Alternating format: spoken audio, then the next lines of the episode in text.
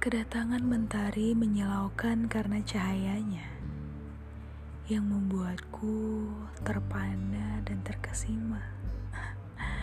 Mencoba mendekatkan diri dengan apa adanya yang semula merasa tak pantas untuknya. Tak disangka ia menerimanya.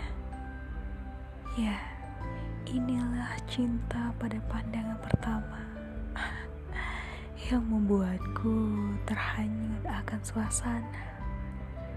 Tak ingin jauh darinya, tapi kenyataannya berbeda.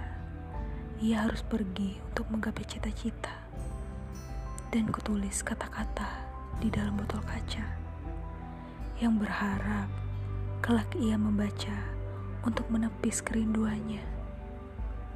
Baik-baik ya kamu di sana.